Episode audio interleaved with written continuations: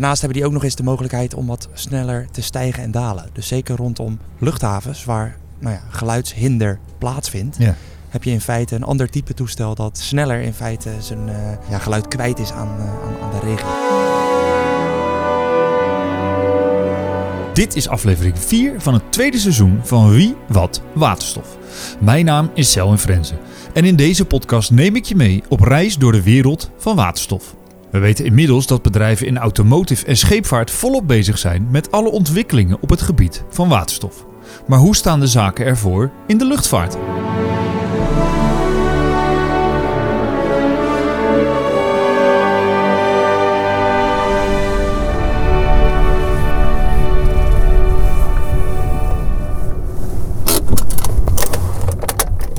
Hi, hi, morgen. Goedemorgen, Daan. Hi. Leuk je te ontmoeten. Ja, zeker. Vandaag ga ik op bezoek bij Daan van Dijk. Hij is Innovation Lead op Rotterdam De Hague Airport. In zijn rol is Daan volop bezig met allerlei ontwikkelingen binnen de luchtvaart, waaronder wat waterstof voor de luchtvaart kan betekenen. Om te beginnen ben ik erg benieuwd. Op welke manier is de luchthaven nu al bezig met waterstof? Ja, op, eh, op veel vlakken. Eh, we zitten natuurlijk dicht bij eh, het havenbedrijf Rotterdam, eigenlijk onze achtertuin. Nou, we zijn met meerdere projecten bezig op het gebied van waterstof. We zien waterstof ook als een van de nieuwe luchtvaartbrandstoffen. Er zijn er meerdere. Ehm, nou, die ervoor eigenlijk voor gaan zorgen dat eh, we met lagere emissies kunnen gaan vliegen in de toekomst. Eh, dus hartstikke relevant om eh, daar nu als luchthaven in ieder geval Ja. mee bezig te zijn. De luchtvaartmaatschappijen gaan straks echt vliegen op waterstof. Maar hoe is een luchthaven hier dan bij betrokken? Ja, ja goede vraag.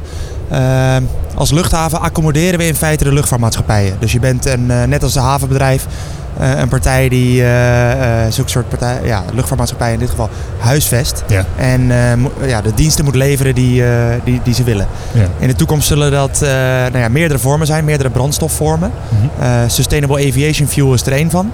Elektriciteit voor elektrisch vliegen. En waterstof voor, eh, voor waterstof vliegen. Ja. Eh, elk van die eh, nieuwe aandrijvingsvormen heeft zo zijn voor- en nadelen. En zal in de loop van de tijd nou ja, eigenlijk op de markt komen. En als luchthaven moet je in feite je infrastructuur hebben om dit soort eh, nou ja, brandstoffen te kunnen gaan leveren aan luchtvaartmaatschappijen. Ja. En om die luchtvaartmaatschappijen in feite te kunnen voorzien van die brandstoffen. Zodat zij hun eh, vluchtuitvoering optimaal kunnen uitvoeren. Voordat we ingaan op de verschillende brandstoffen die Daan net noemt, ben ik benieuwd.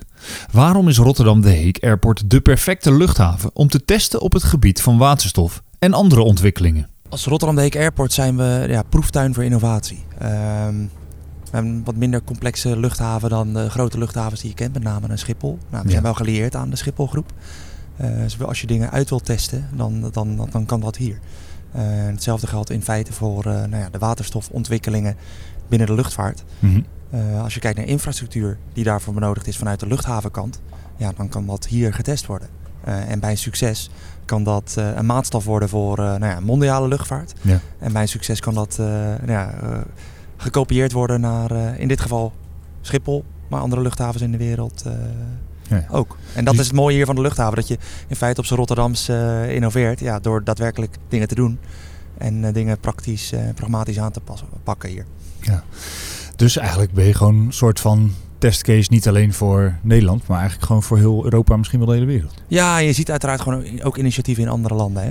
Ehm, maar ja, dat doen, we, dat doen we ook samen. Dus we hebben ook banden met andere luchthavens die eh, Ja. dit soort activiteiten ontplooien. Mhm. Eh, daar trekken we samen in op. Maar eh, ja, je bent aan het pionieren. Dus je bent ook een, soort maatstaf aan het zetten voor ja, de wet en regelgeving in de toekomst. En hoe, hoe de wereld er nou over eh, 10, 20 jaar uit gaat zien. Terug naar de brandstoffen. Daan noemde net meerdere soorten: Sustainable Aviation Fuel, elektriciteit en waterstof. Wat zijn de verschillen tussen al deze brandstoffen? Wij zien een mix in dat opzicht. Sustainable Aviation Fuel Ja. hè, voor de komende eh, jaren en voor de eh, vluchten op langere afstand. Mhm. Nou, dan moet je denken aan biokerosine. Eh, nou, we zien hier toevallig een Transavia-toestel achter ons staan op de luchthaven. Ehm daar komt een vlootvernieuwing aan van Transavia, de grootste gebruiker hier op Rotterdam Deken Airport. Ja. Nou, die toestellen zullen de komende 15, 20 jaar nog wel in de running zijn. Eh, en vliegen nu momenteel nog op eh, kerosine. Ja. Dus het geheel aanpassen van de motor in zo'n toestel is lastig. Eh, dus de kans is groot dat daar biokerosine in ieder geval nog de nou, gebruikte brandstof zal zijn. Ja. Eh, daarnaast zien we elektrisch vliegen ook als opkomende nieuwe technologie. Mhm. Nou, dat zal wel gelimiteerd zijn. Batterijen zijn hartstikke zwaar. Nou, we weten Ja, allemaal dat vliegen en vliegtuigen natuurlijk licht moeten zijn om de juiste nou, draagkracht te krijgen, et cetera. Eh, dus elektrisch vliegen zal zeker relevant zijn voor Rotterdam Dijk Airport. Mhm. Zeker als re- regionale luchthaven. Ja. Maar dan met name voor bestemmingen op de kortere afstand. Ja. Dan moet je denken aan een range van 500 tot 750 kilometer. En toestellen met nou, zeg 20 tot 40 passagiers. Ja. In de beginperiode zullen dat eh, nog 10, 19 zitters zijn. Ja, Rotterdam-Southampton, Rotterdam-Hamburg. eh, hartstikke relevant voor de, voor de personen in de haven. haven Ja, uiteraard. Ja. Eh, dat zijn vluchten die elektrisch uitgevoerd kunnen worden. En dan uiteindelijk maken we de stap richting eh, nou ja, waterstof aangedreven luchtvaart. Ja. Eh, dat zal nog even duren. De eerste tests nou ja, vinden in de komende jaren plaats. Maar nou, die kant kijken we zeker op. En daar worden we ook vol door ondersteund door nou ja, de partners, kennisinstellingen Ja. en luchtvaartmaatschappijen die daar mee bezig zijn. Vliegtuigen mogen niet te zwaar zijn. Maar Daan heeft het wel over elektrisch vliegen. Ik ben benieuwd. Zijn die accu's niet veel te zwaar om op te gaan vliegen? Als je kijkt naar elektrisch vliegen, dan is eh, nou ja, de, de, de accu en, eh, degene, de energiedragende Ja. accu zwaarder dan eh, in, in de feite de waterstoftank die je in een toestel hebt. Mhm. Dus daar heb je in ieder geval een voordeel van waterstof ten opzichte van elektrisch vliegen. Ja. En daarmee zul je ook zien dat de type toestellen waarmee op waterstof gevlogen wordt, gaat worden in de toekomst, groter zullen zijn. En ook een langere range zullen hebben. En Ja. misschien wel een leuk detail. We hebben recent een onderzoek uit laten voeren van nou, wat zou nou de impact zijn van waterstofvliegen op Rotterdam de Heek Airport. En toen hebben we gekeken naar ons huidige vluchtprofiel. Ja. Dus de huidige bestemmingen vanaf de luchthaven. Mhm.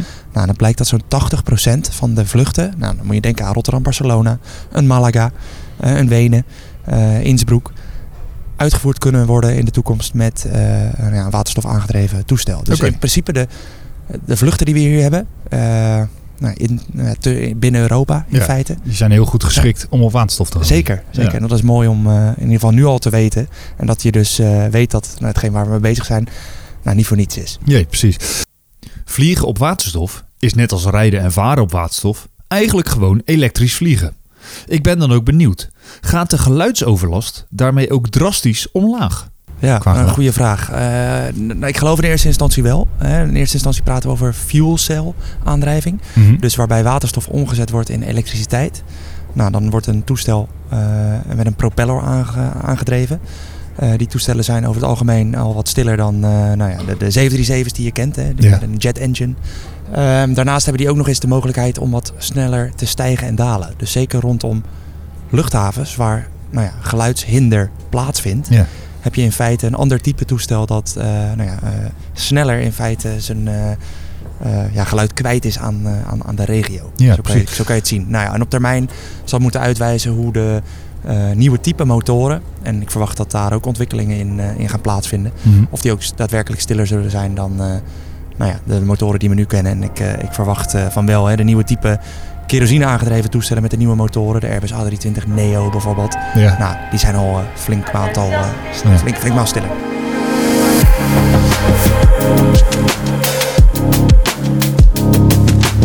Enige tijd terug las ik dat Rotterdam de Heek Airport samen met andere partijen al kijkt naar een lijnvlucht naar Londen op waterstof. Daar wil ik graag meer over weten. Klopt, klopt. We hebben eh, een samenwerkingsovereenkomst met Zero Avia. Een partij die eh, momenteel een eh, toestel retrofit, dus ombouwt, Ja. eh, naar een eh, waterstof aangedreven toestel. Dat gaat over een eh, Dornier 228. Eh, Kan je nou, voor, de, voor de mensen die niet weten wat dat is, wat, kan je dat, wat is ja, misschien hebben 228? mensen wel eens gezien. hè. De huidige kustwacht, of de kustwacht vliegt met eh, dat eh, toestel. Ze krijgen binnenkort een nieuwe. Ja. Maar het, eh, het toestel van de Nederlandse kustwacht is zo'n type toestel. Ja. Een turboprop, zoals het heet. Dus met propellers. Ja. Het is een 19-zitters, dus een wat kleiner, kleiner toestel. Nou, waarom nou geen revolutionair nieuw type toestel? Nou, Mhm. nou, dat heeft allemaal te maken met certificering. Luchtvaart wordt gekenmerkt door nou ja, veiligheid, veiligheidsaspecten. Ja. Dus het nieuw certificeren van een nieuw type toestel. Nou, Dat is heel lastig. Een, eh, ja, een, eh, een, een, een nieuwe Airbus A380, eh zulke soort eh, types. Ja, dat duurt gewoon jaren. Dus het retrofitten, het aanpassen van de motor, maar eigenlijk niks aanpassen aan de schil van het vliegtuig, Mhm. is nog steeds de snelste methode. Nou, Ja. dat, zulke soort type toestellen, dus eigenlijk de bestaande toestellen, zul je hier dus ook het snel zien. Ja. Eh, met in dit geval een waterstof aangedreven motor. En dat doet Zero Avia in 2024 van Rotterdam naar Londen en, eh, en andersom. De lijnvlucht naar Londen is niet het enige project waar Daan mee bezig is als het aankomt op waterstof. Een van die andere projecten is Aero Delft. Het team van de TU Delft waar ik in aflevering 3 op de World Hydrogen Summit al kort mee heb gesproken. Hoe werkt Rotterdam de Heek Airport met hen samen? Ja, we hebben een goede relatie met, eh met Aero Delft. En eh, nou, gaan momenteel eh, ons partnership weer verlengen voor een langere periode. Ehm, waarbij we Aero Delft in feite willen huisvesten hier op, op de luchthaven.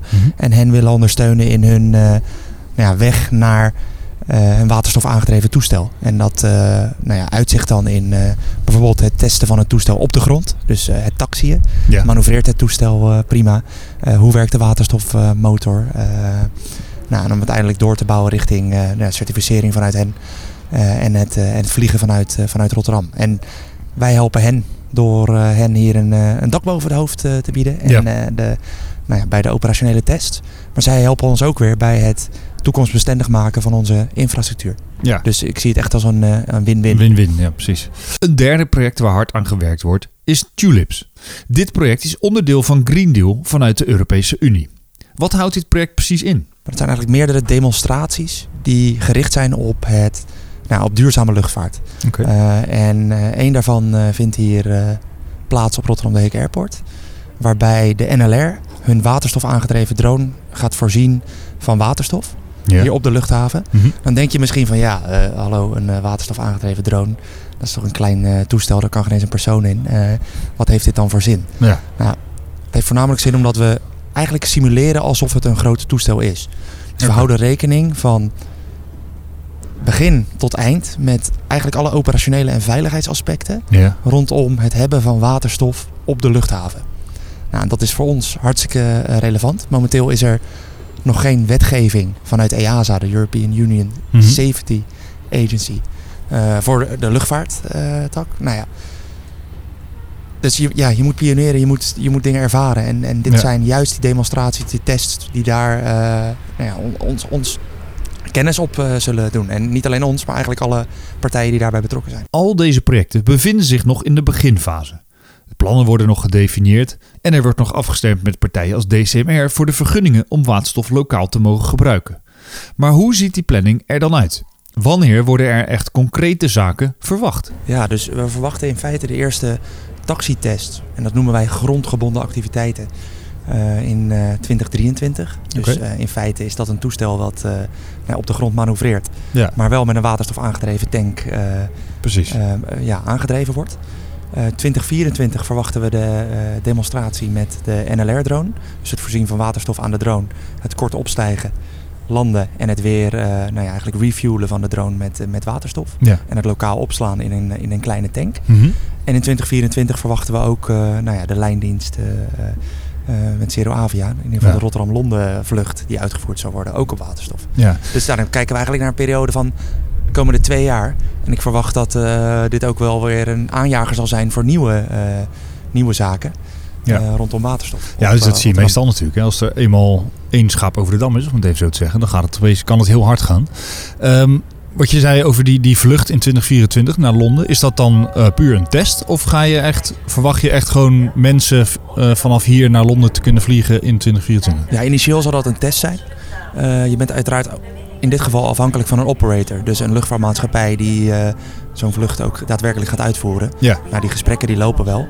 Ehm, nou ja, dat, zal, dat zal de toekomst uitwijzen wanneer dat zal zijn. Initieel dus test, maar op termijn eh moet dat eh, uiteindelijk leiden tot eh, ja, in ieder structurele vluchten.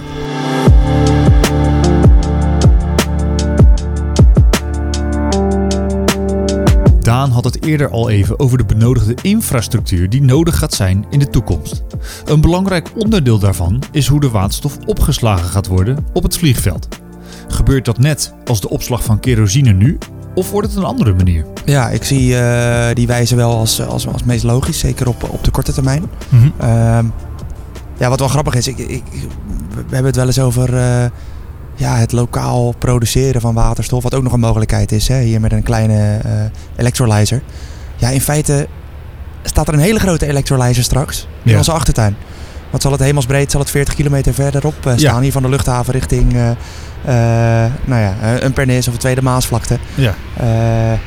Eh, dus ja, het, het halen van, eh, van waterstof per truck naar de luchthaven is, eh, is een logische optie. Dat gebeurt nu ook met kerosine. Het lokaal opslaan aan de hand van de behoeften die, nodig, ja, die we nodig hebben om eh, het aantal vluchten te voorzien van waterstof. Ja. Ja, en het uiteindelijk eh, dispensen van eh, het uitgeven van die waterstof richting een, een toestel. Of het nou een, een drone is, een klein type toestel en in, in de loop van de tijd een groter type toe- toestel. Oké, de waterstof ligt dan straks opgeslagen op de luchthaven. Maar hoe krijg je de waterstof dan in het vliegtuig? Hoe gaat een waterstofvliegtuig tanken? Ja, dat, dat, dat ligt een beetje aan eh, de ontwikkeling en hoe eh, eh, ja, de standaarden zullen worden hier Ja. in, de, in de luchtvaartindustrie. Je ziet het misschien wel bij een waterstoftankstation voor trucks of, of bussen. Nou, daar heb je ook te maken met, met standaarden, certificeringen Mhm. van eh, pompen, et cetera. Ja. Ja, zover eh, is de luchtvaartindustrie nog niet. Dus om exact te zeggen hoe dat eruit gezien, weet ik niet. Eh, dat het met een slang zal zijn en een, en een, koppel, en een koppelaar, jazeker. Ehm, nou, zoals jij net zag, eh, zei, hè, waterstof onder druk, waterstof met hele lage temperaturen. Ja, dat zijn wel aspecten waar je rekening mee moet houden in dat gehele proces. Dus een, een, een, het lokaal opslaan dient met, met een nieuw soort infrastructuur te gebeuren. Het, nou ja, het operationele proces rond tanken. ehm, ook Ja. En de brandweer die wellicht paraat moet staan. Mhm. Zulke soort zaken. Ja. Eh, omdat je aan het pionieren bent op dit vlak, zijn er nog geen standaarden. Dus hoe het eruit gaat zien, Ja. dat weet ik niet. Eh, ja, er wordt wel heel vaak gekeken naar hoe bestaande processen rond eh, kerosine of andere brandstoffen gebeuren. En, en, en dat, ja, het zal ook een afgeleide worden, maar dan met de specifieke zaken die nodig zijn om waterstof te tanken. Eén belangrijke vraag heb ik nog niet gesteld. Aan welke waterstofdrager wordt nu gedacht voor de luchtvaart? In aflevering 2 van dit seizoen hebben we geleerd dat er meerdere mogelijkheden zijn, zoals de Liquid Organic Hydrogen Carrier, ammonia, maar ook een gasvorm. Ja, dus eh, volgens mij een beetje tegenstrijdig ten opzichte van alle andere industrieën. Maar het is wel een generale consensus dat dat voor eh, luchtvaart eh, de, de liquid variant zal zijn. Hè? Ja.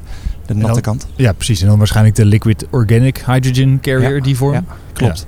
En, en waarbij we uiteraard kijken naar groene waterstof. Hè? Om, Ja, uiteraard. Om uiteraard de, nou ja, nu eh kerosinevluchten te vervangen door waterstofvluchten. Ja, als die, als die waterstof nog steeds eh, grijs gemaakt wordt, dan, eh, dan heeft dat ook weinig zin. Ja. Dan vervang je in feite vrij weinig.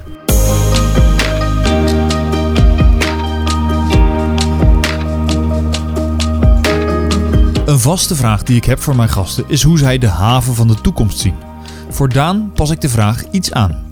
Hoe ziet hij de luchthaven van de toekomst? Ik zie in de toekomst eh, voor me dat er eh, zeker uitbreiding eh, plaatsvindt op het platform. Enerzijds plekken waar vliegtuigen elektrisch op kunnen laden. Ja. Dus elektrische laadpalen voor de, voor de wat kleinere toestellen. En aan de andere kant zul je ook zien dat de luchthaven nou ja, infrastructuur heeft. Dus tanks om, om waterstof op te slaan.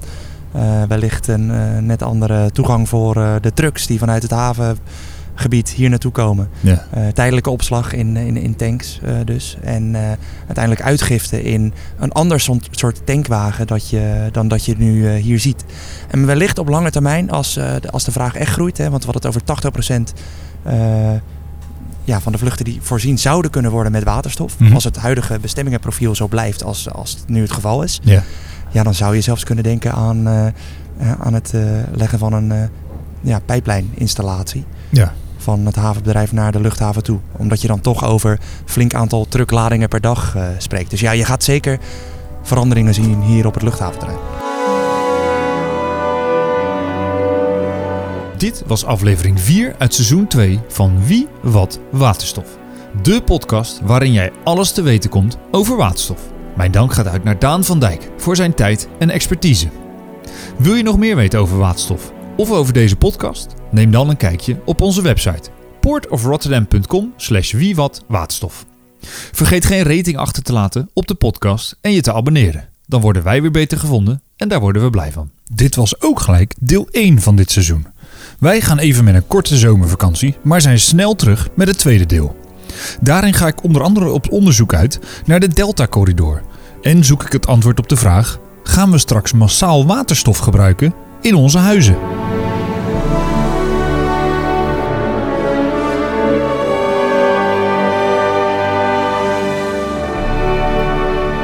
Deze podcast wordt mede mogelijk gemaakt door Havenbedrijf Rotterdam en Shell. De muziek is de officiële haventune Haven of Life, gespeeld door het Rotterdams Philharmonisch Orkest.